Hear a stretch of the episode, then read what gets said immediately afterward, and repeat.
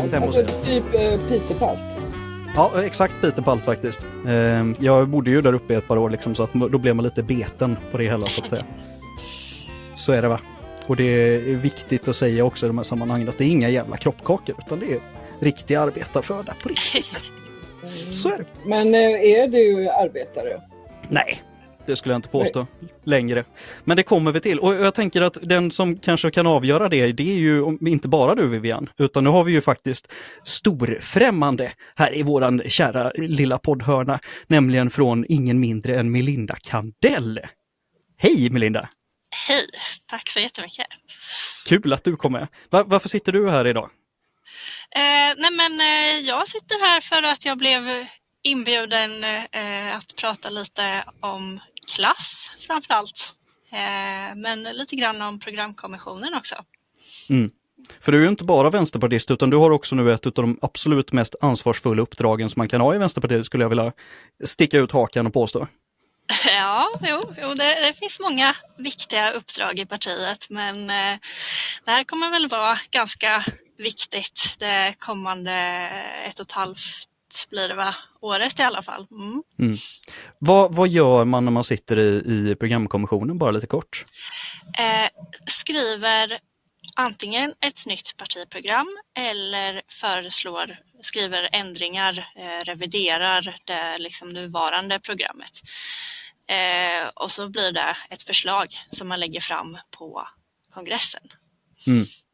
Eh, Så det är det ena. Eh, Och det andra är att, eh, som också ingår i uppdraget, är att stimulera till programdiskussion och debatt i partiet. Så Mm. det är också ganska mycket att liksom åka runt i partiföreningar och snacka ideologi. Men du måste ju berätta också att du är från Norrköping. Eller hur Melinda? Där har Ja, vi någonting gemensamt.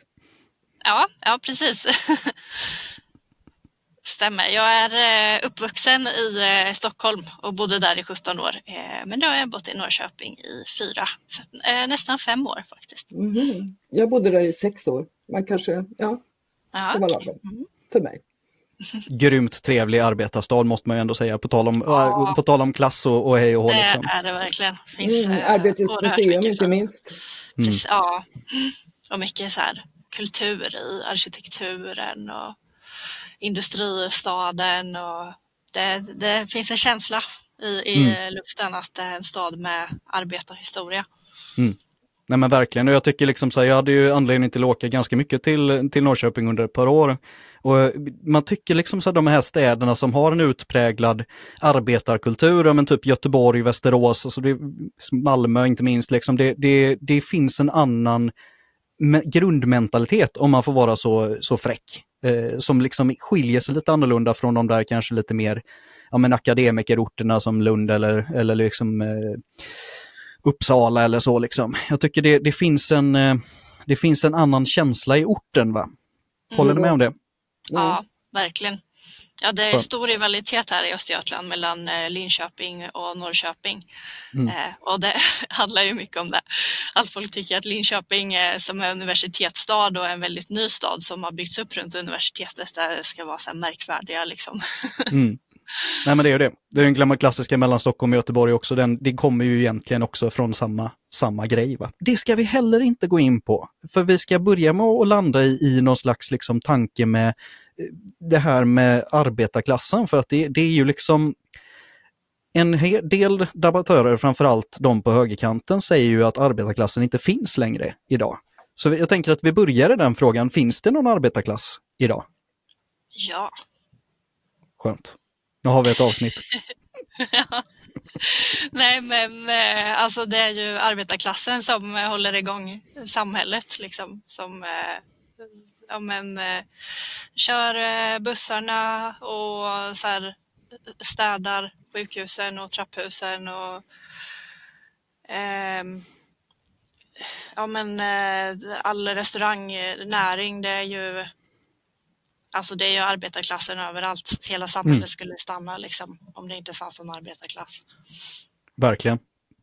Håller du med Vivian? Eh, Jag undrar lite grann i så fall hur man definierar just arbetarklass. Det har du ju i och för sig gjort Melinda i och med att du har eh, räknat upp en del eh, yrkeskategorier som, som rätt naturligt har till. Men eh, jag tänker att det kanske kan vara bredare än så. Men jag, jag, tycker också att det är svårt att säga. Alla lönearbetare kanske inte eh, ingår eller så gör det det för att många, många lönearbetare som inte har de klassiska Alltså det finns ju mycket kontorsjobb som har osäkra arbetsförhållanden, eh, som inte tjänar mycket, som går på ren provision. Jag pratar inte om gigekonomin nu, men, men alltså det finns ju väldigt mm. en stor grupp som inte har blue collar, eller man ska säga, som inte har blåkläder, är inte så många som har längre. Eh, men inte bara manschettyrken heller. Så räknar men... du in det Melinda i arbetarklassen? Eh, ja, alltså kanske, eller det beror på. Jag skulle nog säga att en hel del av dem, den gruppen som du pratar om nu eh, skulle jag nog kanske räkna till mellanskiktet. Eh, för jag eh, ja, men tillhör väl de som eh, ser att det finns liksom två huvudklasser i samhället och sen ett mellanskikt. Ehm, och att jag eh, skulle väl kanske säga att det arbetarklassen har gemensamt är eh, rollen i produktionen. Man har liksom väldigt lika intressen och man har inte makt och kontroll över andras arbete än sitt eget. Eh, lika medan... intressen, hur tänker du då? Att alla har lika intressen? Eh, ja, men om, om man istället skulle prata om de som tillhör mellanskiktet som är olika typer av tjänstemän. Liksom. Ehm, där, dels så är det ju ofta att man antingen kontrollerar eller administrerar andras arbete. Ehm, men också att det är ett, alltså en hierarkiserad värld på ett annat sätt som eh, är, mer riktad på, på karriär. Liksom. Ehm, och att man kanske har en annan lön. Ehm, som... Eh, ehm, nej men det finns en annan mentalitet eh, tror jag som gör att eh, även om i alla fall de kanske lägre tjänstemännen om man säger så rent objektivt sett delar intressen med arbetarklassen så tror man att man delar intressen med borgarklassen. Eh, vilket kanske tar sig uttryck i att man eh, gärna vill kunna ja, men spara pengar på ett ISK-konto utan att ha massa skatt på det. Eh, man vill kanske bo i ett så segregerat bostadsområde, kunna betala sig före i kön eh, till, till vård och annat. Eh, och gärna liksom göra karriär eh, som är ehm, Ja, det, det är inte riktigt men i det, då måste jag fråga, inbegriper ja. du, en av våra stora röstgrupper är ju till exempel socionomer, socialarbetare. Ehm, skulle du säga att de har väldigt stort inflytande över sitt eget arbete och att de eh, tillhör det mellanskiktet som ser ISK-konton eh, som, eller? Mm, nej, eh, det skulle jag inte. Jag tror de, alltså det som jag pratar om som liksom utgör mellanskiktet. Eh, ganska många av dem tillhör ju så här ett högre, har, har kanske chefsjobb och, och, den typen av saker. Eh, socionomer, lärare och sjuksköterskor om man säger så. Eh, det skulle jag väl säga är eh, ja, men kanske att man ligger lite på gränsen. Så här. Jag tycker inte att det direkt är vattentäta skott mellan arbetarklassen och, och mellanskiktet många gånger.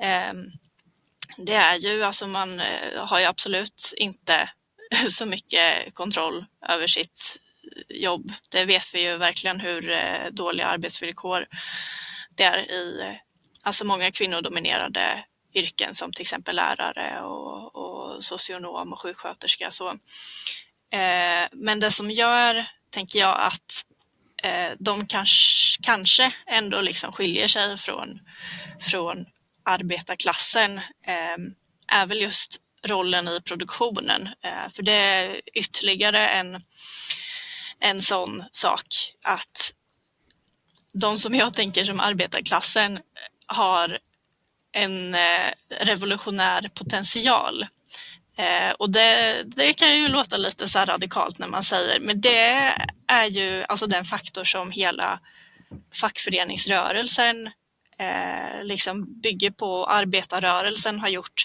historiskt. Att det blev ju aldrig någon revolution i Sverige, men man har använt den revolutionära potentialen för att pressa fram bättre villkor. Eh, och eh, det, alltså det, det beror ju på att man är mervärdesproducerande. Och just det här att man, samhället stannar ju faktiskt när man lägger ner sitt arbete. Eh, och det finns inte riktigt på samma sätt i ett arbete som läraryrket. Alltså visst, man kan åstadkomma en, en eh, alltså få stor medial uppmärksamhet och så här, eh, ja, det är många som påverkas av att undervisningen stannar, men det är ju inte samma sak som att så här, kollektivtrafiken stannar i hela landet. Men sjuksköterskorna, de får ju i och för sig inte strejka hur så? Nej, det är också, det precis, eh, så är det. Mm. Nej, och det, det, jag, nu är vi inne på väldigt många spännande bollar så därför har jag för en gångs skull i mitt liv varit tyst en liten stund. Liksom. Jag har slags rekord här. Eh, men men eh, det som också jag tror är relevant att koppla in här så att säga, för det finns ju yrkesgrupper som traditionellt har varit arbetarklass, liksom säg snickare, hantverkare som idag tjänar ganska stora pengar för den delen gruvarbetare. Nu hade jag fördelen att få att jobba lite grann ihop med, med en systerpodd till oss som heter Kampviljan som jag vill puffa lite grann för som Norrbotten har trummat ut här nu i, i dagarna faktiskt till och med. Eh, där, liksom, där i en tidig, eller i flera skeden faktiskt, har funnits en, en, en konflikt mellan arbetarna i gruvan och LO-förbundet och resten av arbetarrörelsen för att gruv, man tycker helt enkelt att gruvarbetarna har så bra betalt att de inte behöver ha samma eh, eller löneökningar helt enkelt som resten av och så blev det en långdragen konflikt som var i flera, flera sjok. Så det finns ju också motsättningar inom i sådana fall arbetarklassen mellan de arbetaryrkena som har en högre lön, en högre levnadsstandard och kanske de som inte har det. Men det är egentligen inte... Vilka, sa det, gruvar, vilka var det som var arga på gruvarbetarna? Ja, det var egentligen resten av LO-Sverige som tyckte att nej, men ni behöver faktiskt inte ha era löneförhöjningar. Och vi går inte ner i gruvan förrän den här saken är löst på det sättet vi vill ha. Tack för det. Nu, nu raljerar jag lite grann och, och, och gör, gör, en stor fråga lite väl enkel, men det finns ju ändå också, framförallt idag kanske, och du, du var inne på att man, man inte vill klättra och liksom få ett personalansvar och kanske sådana grejer. Och det kan man ju få med många av de här yrkena också när du är snickerifirma eller liksom något liknande. Eh, eller att man klättrar upp och blir förman och sådana grejer. Men, men det jag skulle vilja koppla det till snarare än vad man gör som arbete, det är ju frågan om ägande. Och jag tror att den är, är vital för att man liksom ska kunna göra en klassdefinition. Har man ett eget ägt boende, har man ett eget ägt sparande, har man en, kommer man från en familj som har liksom egendom eller som har möjligheten att ge någonting, någonting i arv eller liksom kommer man från ja, men det där liberala blanka pappret som, som inte finns, i alla fall inte liberala familjer. Ehm, och liksom det är någonstans det som gör en tidig, liksom, var, var hamnar man någonstans i klass? Frågan om ägandet. Äger du någonting då, då, då är du inte arbetarklass helt enkelt. Håller med? Men eh, det finns ju arbetare som äger sina hus också. Är de inte arbetarklass längre då? Ja, det är väl där jag börjar fundera. Om du, äger ett, om, om, du äger ett hus som värderas till två miljoner, även om du liksom bor i de två miljonerna, är du arbetarklass då? Ja, jag skulle väl kanske inte säga att eh, det har så jätte jättemycket med det att göra. Liksom. Eh, det är en sak att äga produktionsmedlen, eh, för då får man en helt annan så här, makt och kontroll över typ allt arbete i Sverige. Mm. Eh, men alltså äga ett hus, det, visst om man äger ett hus i, alltså på Lindö i, i, som är gräddhyllan här i Norrköping, då, då kanske det en sak. Eh, men jag menar inåt landet, där är det ju typ billigare att ibland att äga ett hus än att bo i en lägenhet. Jag ska omformulera min, min sägning lite grann, för jag har egentligen snott den lite grann från, från minns jag inte vem jag snodde den utav, men jag tyckte den var bra när vederbörande sa det. Eh, och det, det handlar kanske mer om att ägandet blir en social trygghet som man in, som regel inte har som arbetarklass. Liksom. Där du kan vara utan lön i ett halvår utan att det går åt helvete. och arbetarklassen har en tendens av att leva liksom närmare undergången. Och det var lite grann i det sammanhanget och den resonemanget, liksom definitionen av arbetarklassen. När man är två eller tre månader från att liksom så här, bo på gatan, om det skiter sig. Då är man arbetarklass. Och jag kände att det liksom så här, även om det kanske är eh, det kanske är en för lösryckt definition så, så finns det ändå någonting där.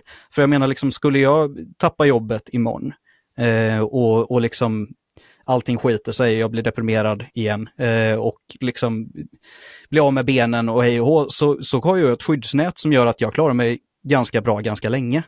Medan om jag hade backat bandet för tio år sedan när jag inte hade de här grejerna, då hade jag ju liksom bokstavligt talat hamnat på gatan om de här grejerna hade hänt. Men alltså jag måste bara säga, alltså vad, nu diskuterar vi vad som är arbetarklass och vad som är mellanskikt. Eh, då känner jag så här Melinda, vad ska vi ha definitionerna till? Ja, eh, det var två väldigt intressanta frågor från bägge er. så vilken ska jag svara på först? Jag vill gärna svara på bägge. Börjar, börjar du med, med Vivian så kan vi okay. återkomma okay, till min. Vi det frågan. Ja. ja. Eh, vad, vad, vi ska ha eh, det här till.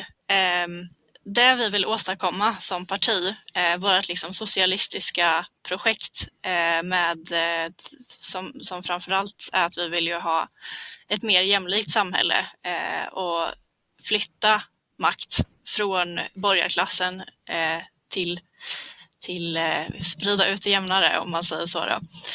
Eh, och jag tror att för att det ska vara möjligt eh, så så behöver ju liksom arbetarklassen vara vårt subjekt för att det är hos dem som den revolutionära potentialen finns. Eh, och jag tänker dels att det handlar om att man behöver knyta sig närmare arbetarrörelsen, som i, alltså fackföreningsrörelsen och politiken tillsammans. Mm. Eh, för att det är så himla mycket som handlar om och händer ute på arbetsplatserna Eh, vi har den här svenska modellen liksom i, i Sverige att politiken faktiskt inte styr så mycket över eh, arbetets villkor utan det är så här, parterna liksom. Eh, men eh, alltså det, det, innebär ju att fackföreningsrörelsen måste vara stark ehm, för att man ska kunna gå framåt och så här, fackföreningsrörelsen måste gå framåt tillsammans med politiken och man måste göra det här tillsammans. Eh, men hela alltså arbetarrörelsen är stagnerad ehm, och det behövs en politik som eh, ändrar medvetandet eh, från liksom en eh, ja, det som eh, ja, men folk tror att de är sin egen eh, lyckas med och man förstår inte riktigt så här, styrkan i kollektivet. Ehm, eh, till, till, till ett annat narrativ eh, som är eh, kollektiv kamp eh, för att ja, men ta, få, en, få större makt i, i samhället. Ehm. Och alltså jag tror det här kommer vi komma in lite på senare, men jag måste nog gå in i det nu eh, med alltså kulturkriget. Eh, SDs framfart mm. eh, och vad det egentligen handlar om. Eh, för jag, jag tänker så här att arbetarklassen förlorade liksom initiativet. Eh, att eh, man kompromissade sönder sig en gång. Sen, eh, ja, men det var en stor vändning liksom i hela världen på 80-talet. Ehm, men att eh, det blev så här ett, både att högern kunde ta makten, eh, men kanske inte minst att det blev en ändring i tankesätt liksom. Eh, och att de som var arbetarrörelsens liksom, tidigare självklara målgrupp började tro på högerns sanningar. Mm. Eh, och eh, nej men, sen så har ju liksom Socialdemokraterna tagit tillbaka makten eh, och, och, ändå så haft makten i, i omgångar från 80-talet men allt har ju ändå bara så blivit sämre och sämre så Socialdemokraterna har ju i praktiken liksom administrerat nyliberal högerpolitik. Mm. Och jag tror att på den vägen så har människor förlorat hoppet om arbetarrörelsen och socialismen. Mm. Eh, och eh, så har liksom den här främlingsfientliga, rasistiska eh, rörelsen kunnat växa fram och växa sig stark. Att så här, det är så mycket som bara blir sämre och sämre med högerns nyliberala politik. Men det är ingen längre som tror liksom, på arbetarrörelsen och på socialismen. Eh, så då, då, då går man istället till SD och tror, tror att det är invandringens fel. Eh, och det, ja, då får vi liksom att de som tidigare var arbetarrörelsens subjekt har gått till SD och tror att det är invandringens fel. Och de som på något sätt blir kvar, det är ju så här lite eh, delar av arbetarklassen såklart som inte har gått till SD men också mycket typ, ja men just mellanskiktet eh, som, som hatar den här rasismen som SD står för. Och sen så har vi en borgarklass som tjänar på rasismen. Liksom. Mm. Eh, så då, då blir det ju liksom en allians som uppstår inom mellanskiktet mellan de som eh, ja, typ de övre delarna kanske av mellanskiktet så, som har chefsjobb och som e egentligen är höger i ekonomisk bemärkelse. Eh, och ja, men står för det, liksom Centerpartiet så, en verkligen nyliberal ekonomisk politik. Eh, men eh, så antirasistiska i retoriken har en tydlighet så. Och sen de delarna typ som är kvar av vänstern eh, blir ju också väldigt så här, fokuserade på att vara emot rasismen på, ja, men på, på rätta grunder för rasismen har förstört så himla mycket. Liksom. Mm. Men ser du att det, är den, att det är arbetarklassen och den lägre mellanklassen som kan utgöra eh, en, en fram, alltså hoppet? Ja, ja men det skulle jag säga. Eh, och att den här liksom alliansen med med Liberalerna är eh, kommer med stora problem. För då, ja, men då har vi lite det här med stad och land, liksom. att de som kanske tillhör arbetarklassen eh, och ser hur allting har blivit sämre eh, men tror att det är invandringen som, som är problemet. Eh, de ser ju liksom lika mycket som de ofta hatar invandrare så hatar de humanister. Liksom. Ehm, vilket, ja, ja, det blir ju både så liberaler och stora delar av vänstern. Uh, så mm. det, det, blir ett så här fiendeobjekt på något sätt.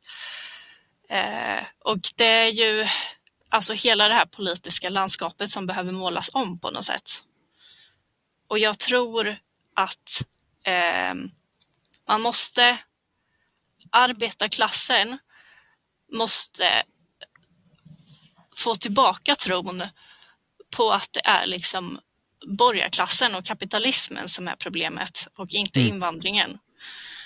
Eh, och det är alltså därför som de här ekonomiska frågorna och klassfrågorna är så otroligt viktiga. Mm. Eh, och att man behöver fokusera på vilken revolutionär potential som faktiskt finns där. Eh, och inte fastna för mycket i att vara en så allians med liberala partier eh, och en så humanistisk retorik som i praktiken inte förändrar så mycket. Nej. Samtidigt så tror jag att man, om vi liksom ska skita så att säga i, i småborgerligheten eller, eller den lägre delen av medelklassen och köra liksom stenhårt arbetarklass, då blir det ett, ett, ett väldigt stort och jag tror ett väldigt svårt projekt. Eh, om vi skjuter lite grann från historieböckerna så, liksom, så kollar vi på de socialistiska företrädarna. Ja, men Rosa Luxemburg var ju knappast arbetarklass, alltså Karl Marx var ju knappast arbetarklass. Det är, liksom, det, det är ju ur småborgerskapet som de största socialistiska tänkarna är sprungna, i stort sett samtliga. Jag behöver inte köra en lång utläggning med alla dem, men, men just att, att få, det, liksom, det finns ju en gemensam fiende i kapitalet och den ägande klassen för både de som har alltså, för jag, jag har ju varit säljare på provision eh, och, och, det var inte så en jävla picknick liksom. Och jag känner ju att jag är ju betydligt mer arbetare då när jag haft arbetaryrken, men så, liksom, för att jag just inte haft den sociala tryggheten i det jag var inne på tidigare med ägande och så kopplat till. Så att någonstans finns ju ett, ett gemensamt intresse som man kan samla ganska många människor om och det är ju de människorna som inte har privat sjukförsäkring de som inte har liksom tillgång till en privatskola, de som inte har alla de här förutsättningarna och gräddfilen som gräddan i gäddan har i, i dagens Sverige. Liksom. Och där tror jag reellt att det finns en möjlighet att, att göra en konkret förändring och få med sig mycket människor. Men ska vi liksom kapa en ganska stor del av de om man använder klassen liksom negativt för att istället liksom bara då pläcka fram de som vi ser som de riktiga arbetarna. Om man ska liksom, nu hård, fultolkar jag vad du har sagt, något otroligt, men jag eh, bara vill liksom lägga fram, lägga, lägga en liten stöttesten bara för att se vad som händer. Eh, just liksom, ja förlåt. Kör in, kör nej, in Vivian. Ja, nu ramlar jag. Jag säga att jag fattar inte alls att Melinda säger att det är bara de som är arbetarklassen som vi kan, eh, som, eh, som man kan bygga på, utan också de, det lägre skiktet av alltså, mellanklassen. Eller jag uppfattar jag det är fel? Vem har rätt Melinda? Det är du som tycker. Eh, ja, eller alltså jag, jag skulle säga du har rätt Vivian. Men eh, jag, jag, fortsätt Per så ska jag höra Nej men det, det, alltså det, det jag tänkte komma fram till är egentligen liksom så att de, de människorna som har ett gemensamt intresse av att få tillbaka en allmän välfärd, en, en, ett fungerande samhälle och någonstans liksom ta tillbaka makten från superkapitalisterna. Eh, det är ju liksom de samla, människorna som vi behöver prata till och få med oss på våran, våran socialistiska rörelse. För det är ju någonstans de som är arbetarklassen, även om de kanske liksom ur beroende på hur man lägger definitionen, kanske inte är arbetarklass. Nu är jag färdigpratad. Okej, ja men då förstår jag. Eh, du, jag tänker att du har en, så här, en lite bredare syn typ, på arbetarklassen, vilka som ingår i den. Så kan det vara, men, men framförallt så har jag liksom så här, jag, jag skiter egentligen om, du, om, man, om det är en arbetarklass eller om det inte är en arbetarklass, utan det jag är intresserad av är att göra ett samhälle som är så bra för så många som möjligt. Och att liksom så här, det finns bestruntar vi egentligen definitionen arbetarklass och är lite mer ja, men, inkluderande utav vem som ska få ingå i den så handlar det mer om att vi, de som idag torskar på dagens samhälle, som alltid står med kassa odd, som alltid står längst bak i kön, de oavsett var de kommer ifrån eller har för, för titel, de är välkomna till oss och då kan vi förändra samhället till någonting där de är välkomna och står lika, har samma kölapp som alla andra. Va? Och det, det, det är någonstans det jag är ute efter och far efter. Mm. Ja, alltså du har ju helt rätt i att eh, det är ju otroligt många fler än så här, den arbetarklass jag talar om som förlorar på kapitalismen. Mm. Eh, och det, alltså jag tror en sån sak som att AI och typ robotisering eh, växer fram mer och mer, det är ju verkligen någonting som, som drabbar stora delar av så här tjänstemannasektorn framför allt mm. eh, och, och, leder till så här massiv proletarisering. Eh, och det, ja, det är många andra processer som också leder till proletarisering som NPM och, och allt vad det är. Liksom, att tidigare kvalificerade yrken har blivit så här, ja, men monotona. Liksom. Mm. Eh, så, så det har du ju såklart rätt i. Eh, och att ett socialistiskt samhälle är ju ett samhälle för de många. Eh, och jag tror i Sverige idag eh, så utgör nog inte liksom den proletära arbetarklassen, om man säger så, eh, mer än 50 procent. Alltså jag tror att i, eh, ja, men till exempel i den här boken Klass i Sverige som har getts ut av eh, Daniel Suhonen och Katalys och så, mm så har jag för mig att de uppskattar arbetarklassens storlek till typ 25 procent eller något sånt. Eh, och att deras definition är ganska lik min. Liksom. Mm. Men ja, om, man, om man tittar på Vänsterpartiet så fick vi ja, men så lite mindre än 7 procent i mm. senaste valet. Eh, så jag tror att alltså det är nog inget problem så här, ska vi fokusera på att få med 25 procent eller ska vi fokusera på att få med eh, också tjänstemännen så att det blir så här mer än 50 procent. För där mm. är vi inte riktigt än. men det kommer. Eh, ja, ja men det, det, får vi hoppas på. Men då fokus blir ju mer så här vart, vart ska man rikta sig? Eh, mm. Och då menar väl jag att det är viktigt eh, att få med de som eh, ja, tillhör en grupp som tenderar liksom att söka sig till SD eh, och som också behöver så här, radikaliseras i, i alla möjliga bemärkelser i en socialistisk riktning. Liksom. Det handlar både om politisk radikalisering eh, men också där fackliga. Eh, att ja, men ändra eh, sättet vi så här, pratar om problem typ i samhället. Eh, men alltså det var väl den gruppen som man under valrörelsen som Vänsterpartiet ville nå? Eh, det, var ju väldigt uppenbart men jag, alltså så länge jag har varit med i partiet, jag har suttit i partistyrelsen också under en perioder och så, eh, så det har alltid varit finare att få arbetarröster än att få Eh, till exempel socionomernas röster.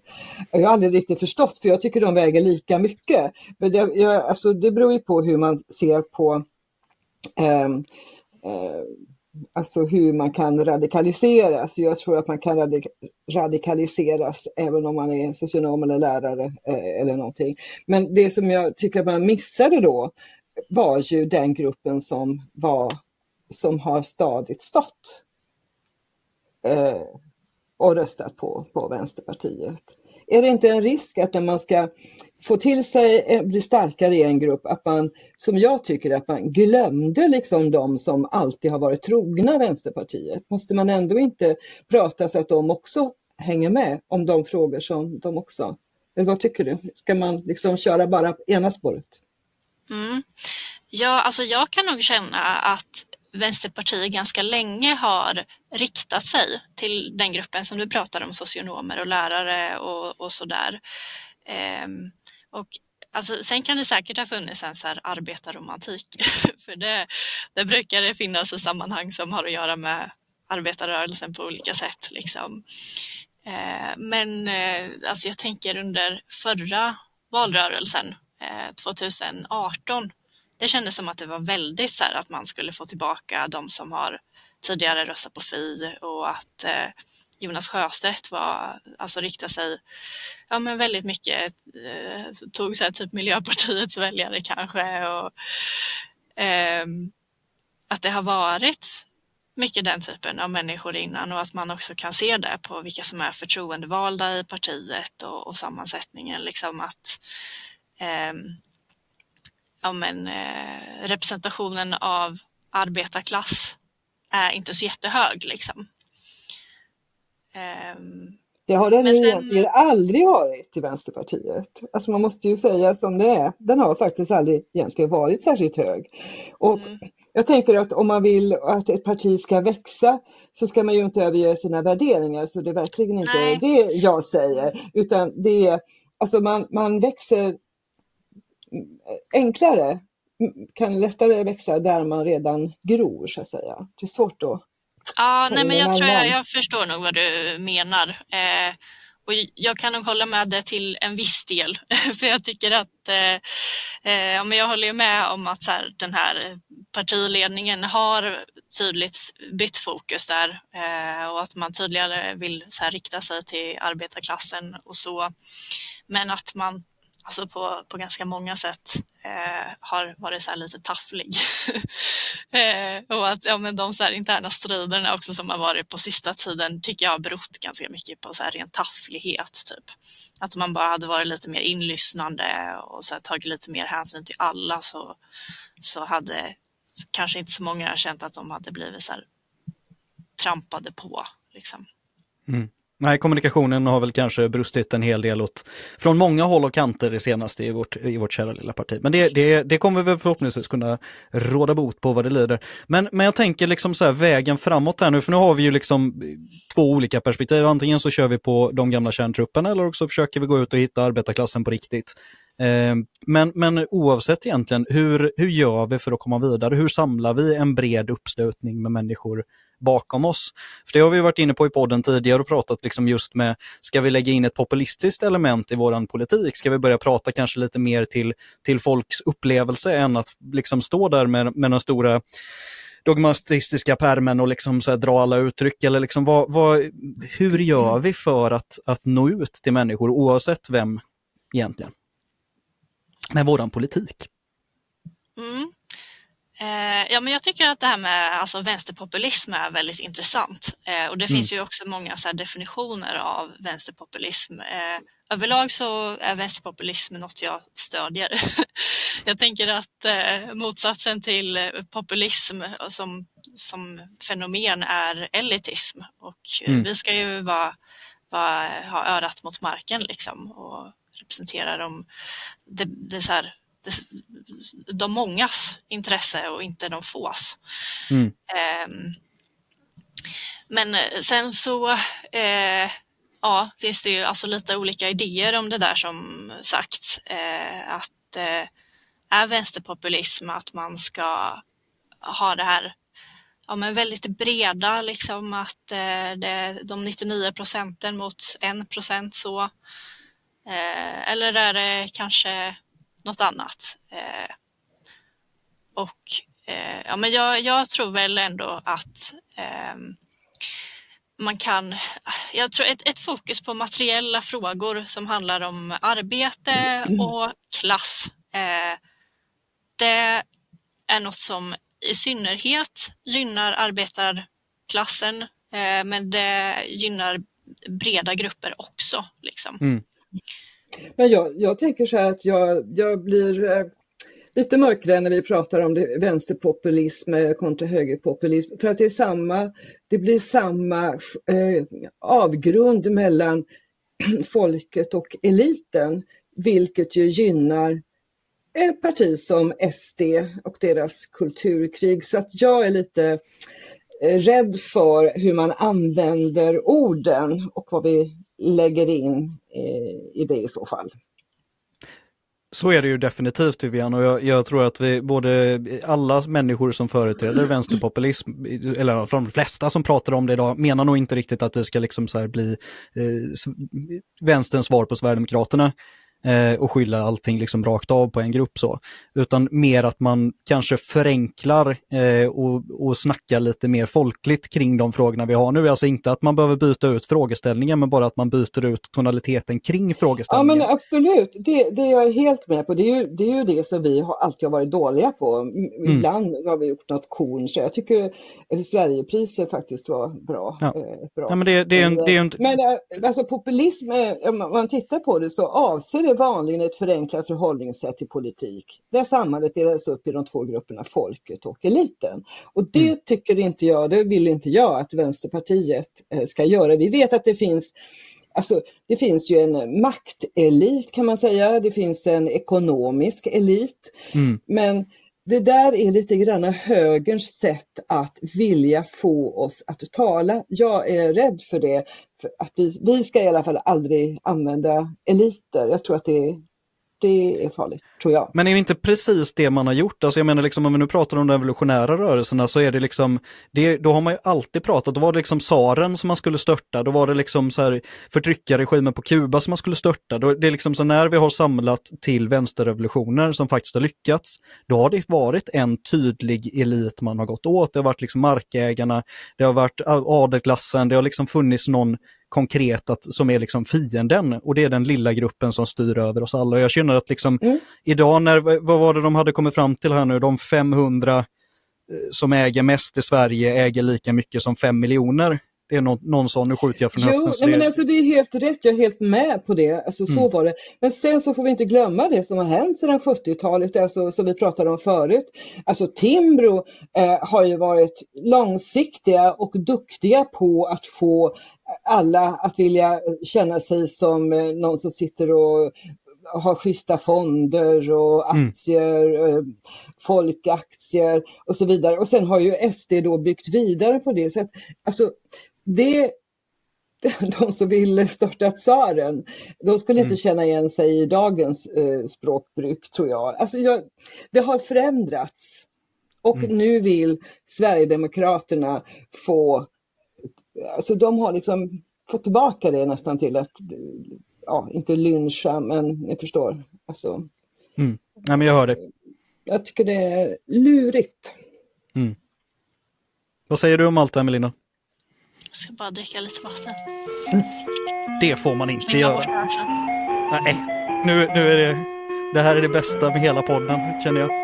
Det här är bäst content.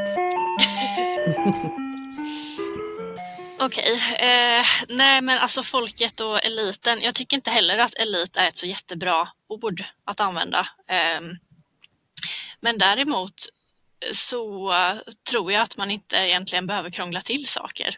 Eh, alltså det finns ju eh, den här föreställningen att eh, så här, ja, eh, SD har de lätta svaren på de svåra frågorna. Eh, men Mm. då tänker jag så här, varför behöver det vara så svårt? Är det verkligen så svårt? Mm. Ehm, och det här, alltså förhållandet mellan folket och eliten, det, det finns ju. Det är ju inte osant, liksom. även om inte jag brukar använda ett ord som elit, det är ju mer SDs ord. Liksom. Ehm, och, och det är, går ju mellan arbetarklassen och, och borgarklassen. Det, det är ju liksom, det finns. det är Mm. ett avgrundsdjup där och det alla ser att det är någonting som, som är jättefel liksom, och att det finns stora orättvisor. Ehm, men det, skillnaden är ju att SD pekar ut grupper som, som invandrare, liksom, att det är de som har kommit och förstört. Eh, och då behöver man göra det egentligen så mycket svårare än att säga att nej, det är inte dem, det, det är våra kamrater och våra allierade. Liksom. Det är de som har förstört, det här borgarklassen. Mm. Ja, absolut. Jag vill bara dra det ytterligare en liten, liten, liten nobb. Nu ska vi snart hoppa över i programkommissionen här också, så jag gör en liten sån fuling och koppar den sista, sista sägningen. Jag vill säga att miljardärerna är det som är den stora slutgiltiga fienden. Det är de som är liksom den, den, den eliten, det är de som är dagens kapitalister, det är de som har hög hatt och monopol, monokel. Det är liksom, det är där vi har våra, våra största icke-kompisar. Håller Ja, ni med? men jag, ja, alltså nu är det Melinda som är Jesper, jag kunde inte lå- låta bli. För att jag är så himla rädd för de som aldrig, som är så naiva. Det tänker jag är alltså Liberalerna, före detta Folkpartiet, alltså Moderaterna. Jag tror att de är naiva också, även fast de kanske, de vill ju helt andra saker än oss. Men alltså man ser inte vad det är som händer. Eller, alltså det finns en så stor grupp som som också har makt förstås, politisk makt, som eh, ser till att det går att överföra så mycket makt till de 500 miljardärerna. Eh, och det som jag tycker är lite farligt i samhället över, överhuvudtaget är att vi som kollektiv är så naiva att vi inte riktigt ser faran komma. Eh, vi urholkar eh, anställningstrygghet, vi har en massa olika saker så att vi skapar eh, ja, osämja, otrygghet och ser det inte riktigt komma, tänker jag. Ja. Och istället så laddar man för miljardärer. Jag, jag tror att de gör det fullständigt medvetet. Ta en sån nisse som Göran Persson som idag är bankchef och just biljardär. Alltså det är liksom så här, det är ju jättemedvetet som man har krattat manegen för sig själv. Kolla på de som har suttit i Finansinspektionen tidigare som idag samtliga i stort sett jobbar på bank. Alltså det är liksom, det, om de inte är golfarkompisar så är det ju samma människor. Alltså som går ut och säljer ut kommun, kommunal verksamhet till liksom att det ska bli privat. Sen går de in i styrelsen halvåret efter de har slutat kommun. Alltså det, det är ju liksom svängdörrarna mellan den högsta delen utav, utav näringslivet och de borgerliga politikerna. Det är ju liksom, det är ju samma folk. De bara byter stol mellan varven. Liksom. Det, det är ju det det handlar om. Men kamrater, nu, nu måste vi för, nu måste vi kom, återvända till, till parti, programkommissionen för annars kommer jag bli vansinnig på mig själv imorgon om vi inte gör det för då blir jag ledsen. Eh, så att nu, nu sätter vi en berömd pinne i den här diskussionen så får vi återgå till den en annan dag i sådana fall. Men, men hur går det här arbetet egentligen för er nu, kamraterna i, i kommissionen? Va? Eh, jo, men eh, det går fint. eh, nej, men vi är i ett ganska tidigt skede i, i skrivandet av partiprogrammet.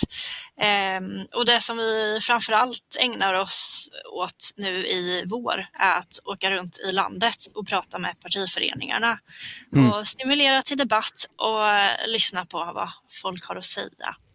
Mm jag, jag, vet att liksom så här, man kommer ju inte till en sån här grej blank, misstänker jag från er sida, utan ni har ju fört lite egna diskussioner och liksom så här, kanske framförallt har ni med er en hel del ja, men från kongresser och från partiledningen och från alla möjliga håll och kanter. Vad, kan du nämna någonting, liksom vad det är för ingångsvärden som ni går in med i de här diskussionerna och förhandlingarna med ute i landet? Eh, ja, eh, alltså vi har ju kommit en bit i programskrivandet. Eh, jag skulle säga att vi har kommit fram till alltså ett antal grundvärden liksom, eh, som handlar om vår syn på partiprogrammet, på samhället eh, och på människan som, mm. som förmodligen liksom kommer genomsyra även våra skrivningar i de enskilda politikområdena. Och och eh, en sån sak är att vi har ett ganska, eller ja, väldigt eh, materialistiskt synsätt i analysen. Eh, det vill säga att om, om man utgår ifrån eh, Marx berömda bas och överbyggnadsmodell eh, så tänker vi oss att mycket, att det liksom börjar i basen eh, och, och det är de materiellerna materiella intressena som också eh, styr vad som händer i överbyggnaden i form av eh, om en, eh, tankestrukturer och mönster och, eh, och föreställningar. Eh, mm. Så att i grunden är det ja, men ofta någon som har ett ekonomiskt intresse. Liksom. Så det är det ena, materialismen. Ehm, och sen eh, en annan sak är att vi pratar väldigt mycket om frihet och frigörelse.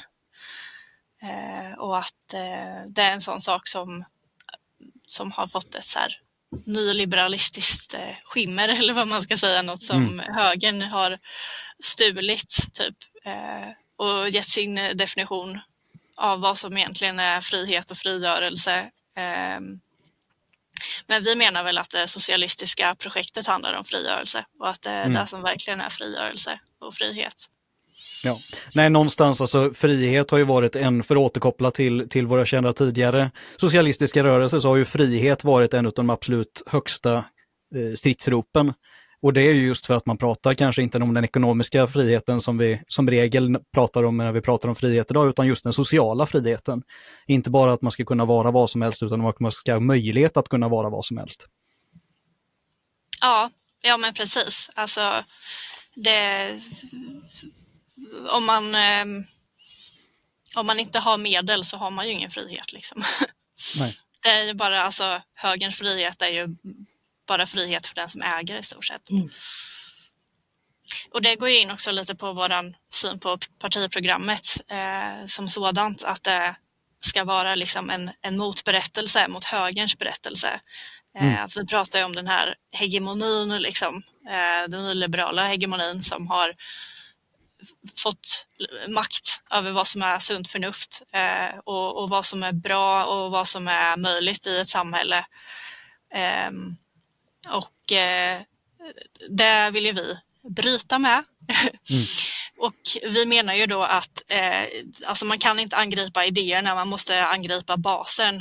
Eh, men för att kunna göra det så måste man ju också få till liksom en, en rörelse som, som bryter med högerns eh, eh, synsätt på, på vad som faktiskt är, är möjligt och bra. Mm. Så det går ju, alltså, det är en dialektisk rörelse som, som både går uppifrån och ner och nerifrån och upp. Mm. Eh, och att det är ju lite det som vi vill att partiprogrammet ska vara.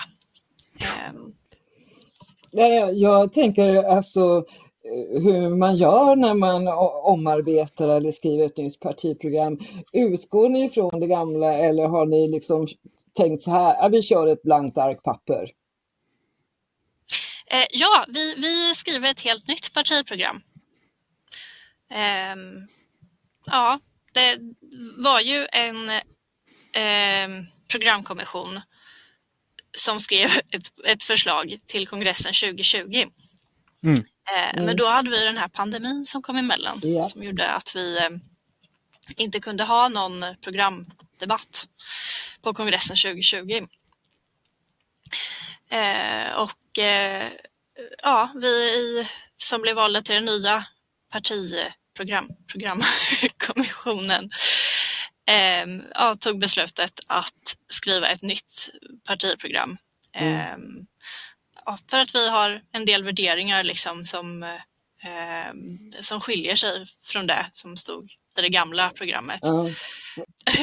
Nej men eh, alltså vissa delar kommer vara ganska likt eller ser vi på ganska samma sätt. Eh, som jag tror att människosynen till exempel är ganska lik för det programmet var också så en mycket tydligare hoppfull ton än eh, vad det nuvarande eh, programmet, ja, det, i, i, programmet som vi har nu är det ju nästan lite den här känslan att vi är förslavade under de här strukturerna och eh, nyliberalismens samhälle liksom.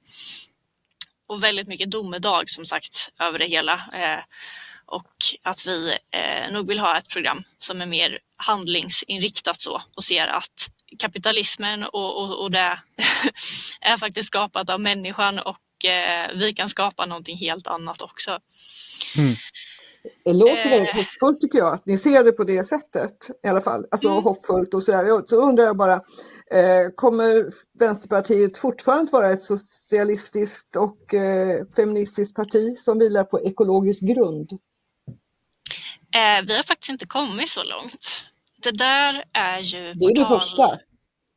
Ja, ja, det är det första. Det är portalparagrafen. Jag vet, det är som gammal journalist att rubriken skriver man sist, Vivian. ja, det är lite olika. ja, ja. Nej, men så precis så är det att vi tänker att vi ska göra det där mot slutet. Eh, mm. När vi här, ser lite mer åt vilket håll det har dragit.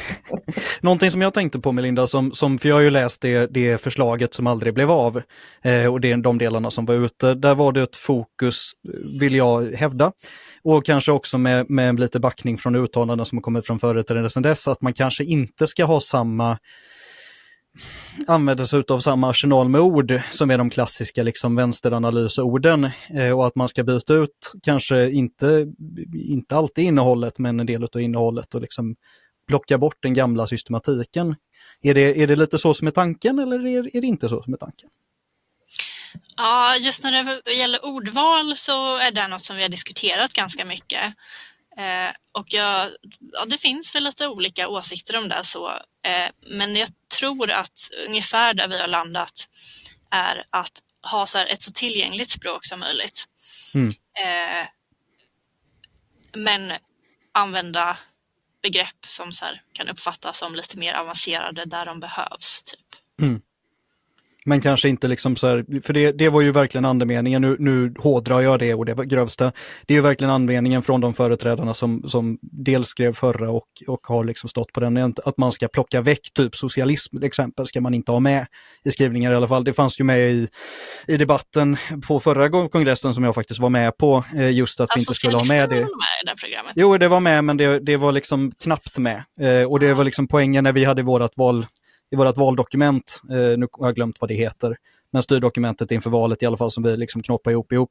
Där var det liksom, jag tror jag läste socialism tre gånger, nu blev det fem gånger till slut eller något sånt där, men det är liksom mer de här klassiska liksom, orden som faktiskt innebär en hel, hel del eh, de blir liksom, det, det, man, det blir lite, man tunar ner dem lite grann ibland. Eh, kan jag känna på ett sätt som, som i alla fall inte jag eh, tycker är en check idé. Och jag vet inte vad, nu har jag ramlat här en stund och klockan börjar bli mycket och vi ska snart börja lägga ner kakburken, men, men eh, har du någon kommentar? Eh, nej, nej, jag vet faktiskt inte vad jag ska... Alltså vi har diskuterat det där. Det finns olika åsikter om det. Mm. Fortsättning följer helt enkelt. Så ja. man kan i alla fall inte vara säker på att Vänsterpartiet kommer att vara ett fortsatt socialistiskt och feministiskt parti som vilar på ekologisk grund. Det är inte säkert att det förslaget som ni kommer med, att det ingår. Alltså det är inte säkert att det kommer finnas liksom en portalparagraf ens. för, för det har vi inte skrivit än. Eh, alltså jag tror andemeningen i, i partiet eh, kan jag med ganska stor säkerhet lova kommer vara att vi är socialister och feminister eh, och att vi har, ja, där ekologiska har en väldigt central plats. Liksom. Men kommer det vara formulerat just så? Återstår att se. Känner uppa. Mm. Men hörni, nu, nu, eh, nu tycker jag att Melinda ska få ut och förankra sina idéer, tankar och grejer i partiet. Och vi har en av dina andra partikamrater som kommer till oss i Mölndal här också, så får vi väl ja, diskutera bankernas vara eller icke vara och, och hej och hå och sånt, för det tror jag ändå att vi kommer få några svar på idag. Om jag får vara så fräck. Och nu har vi så pratat så pass länge att om någon ska orka lyssna på det här sen också så får vi, får vi börja runda av nu. Har vi några avslutande funderingar eller tankar? Vivian, du får den här stora äran att börja. Jag vill bara säga hälsa Norrköping. ja, det ska jag göra. Hälsa ja. Mölndal. Jag kan säga det att eh, vi kommer lägga in lite Pontiac när du pratade om 80-talet. Jag funderade på att bryta in, men det var sånt gött flow så jag ville liksom inte eh, förstöra det. Vart tog det vägen? Ja, det är fina grejer. Men eh, underbart och tack för att ni var med idag kamrater. Ja, tack så mycket för att jag fick komma. Det var jättekul. Dröja lite lyssnande till vattnets klunk glida under pilarna Podden produceras av Hakuna Matata Produktion.